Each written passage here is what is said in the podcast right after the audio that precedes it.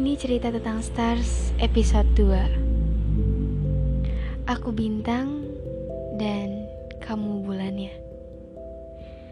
Jadi Bulan punya teman Yang juga temanku. Semoga kalian paham. Namanya Stera. Hampir setiap malam Stera dan bulan bersamaan menerangi malam. Terkecuali jika turun hujan. Mungkin mereka akan dilanjutkan untuk makan malam bersama atau pulang ke rumahnya masing-masing. Jika kalian menanyakan bagaimana perasaanku ketika hal, hal itu terjadi, mungkin tak usah dijelaskan pun kalian sudah tahu. Um, aku ingat sekali malam itu. Langit memerintahkan seisinya untuk mengerjakan puisi yang akan ditujukan kepada manusia di bumi. Aku senang karena hal itu adalah hal yang sangat mudah. Karena hampir tiap malam aku selalu membuat puisi untuk bulan, walau ia tidak pernah tahu. Dari kejauhan, aku melihat bulan yang sedang tertawa bersama Anstera yang entah mungkin mereka sedang membahas topik apa tapi jelasnya keduanya terlihat sangat bahagia sekali. Dan aku memutuskan untuk tidur saja malam itu, karena awan pun mendung. Jadi sudah tak ada harapan lagi untuk melakukan tugas malam ini. Puisi itu pun akan diserahkan besok pagi. Ketika langit mulai gelap dan petir terus menggelegar, terdengar suara tok tok tok Stars, sudah tidur? Aku segera membukakan pintu dengan mata yang hampir setengah tertidur. Rupanya yang datang adalah Bulan. Ngapain kamu ke sini? Apakah awan sedih sudah pergi? Awan sedih adalah awan mendung maksudku. Oh, um, tidak tidak. Aku ke sini hanya untuk meminta tolong. Tolong?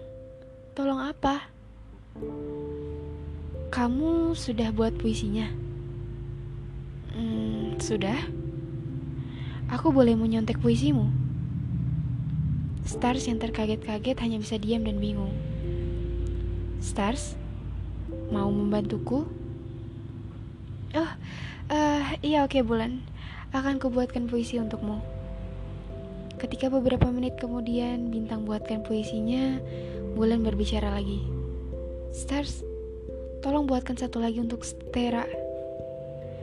Um, apakah ia tidak bisa membuatnya sendiri? Iya, dia mengantuk dan sekarang sudah tidur. Aku tidak tega untuk membangunkannya. Bintang pun hanya bisa tersenyum dan baiklah.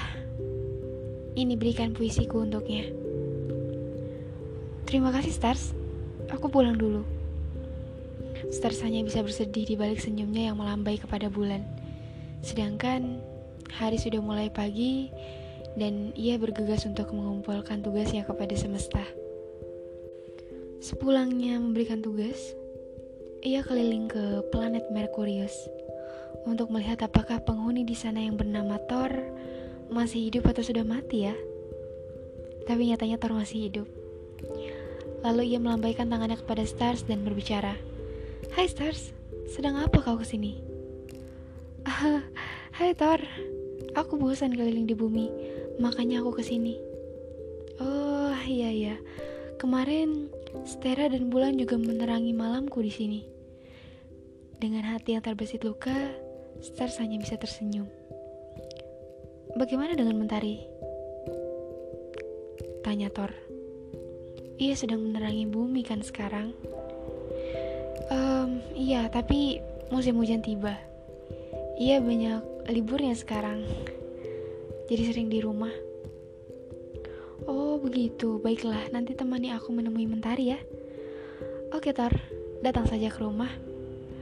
Uh, sekarang aku hendak pulang dulu ya. Ya, see you Stars. Di perjalanan tiba-tiba Stera memanggil Stars. Ada apa ya kira-kira?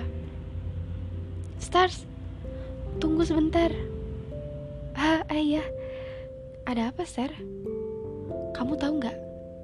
Besok Bulan akan berulang tahun.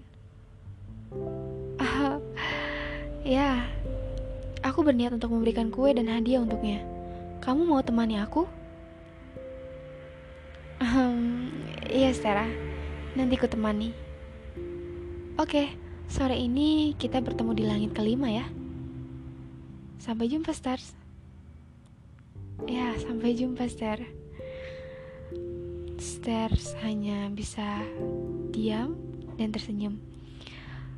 Berbicara dalam hati, sebenarnya aku sudah menyiapkan kue ulang tahun untukmu bulan. Tapi dari tahun ke tahun, aku tidak pernah berani untuk menyampaikannya kepadamu. Percakapan di antara kita pun hanya pada hal yang penting-penting saja. Baiklah, ini tahun ketiga, aku hanya menaruh kotak kue dan hadiah di depan rumah.